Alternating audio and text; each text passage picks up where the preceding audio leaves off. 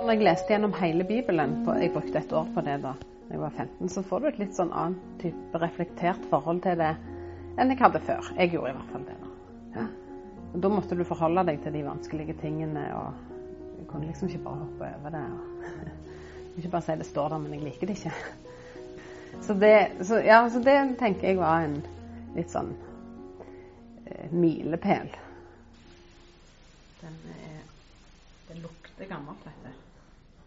Denne bok tilhører meg, Hans Johansen Vekkere. Og den er fra 1881. Når jeg blir spurt om hva mitt favorittbibelvers er, så ender jeg veldig ofte på den teksten jeg skrev doktorgraden min om, som er Jakob 2, vers 1-13. Jeg syns det er litt vanskelig å Det er så utrolig mye flott. Så det er litt vanskelig å velge, men denne teksten har jeg iallfall jobba med i fire år. Så da ønsker å lese Bibelen i dag fordi det er kilden til vår tro. For oss som er troende, så er det den viktigste kilden vi har til å lære mer om vår egen tro. Eh, og finne mm, hva heter det, guidance på engelsk. Eh, veiledning eh, for livet og troen.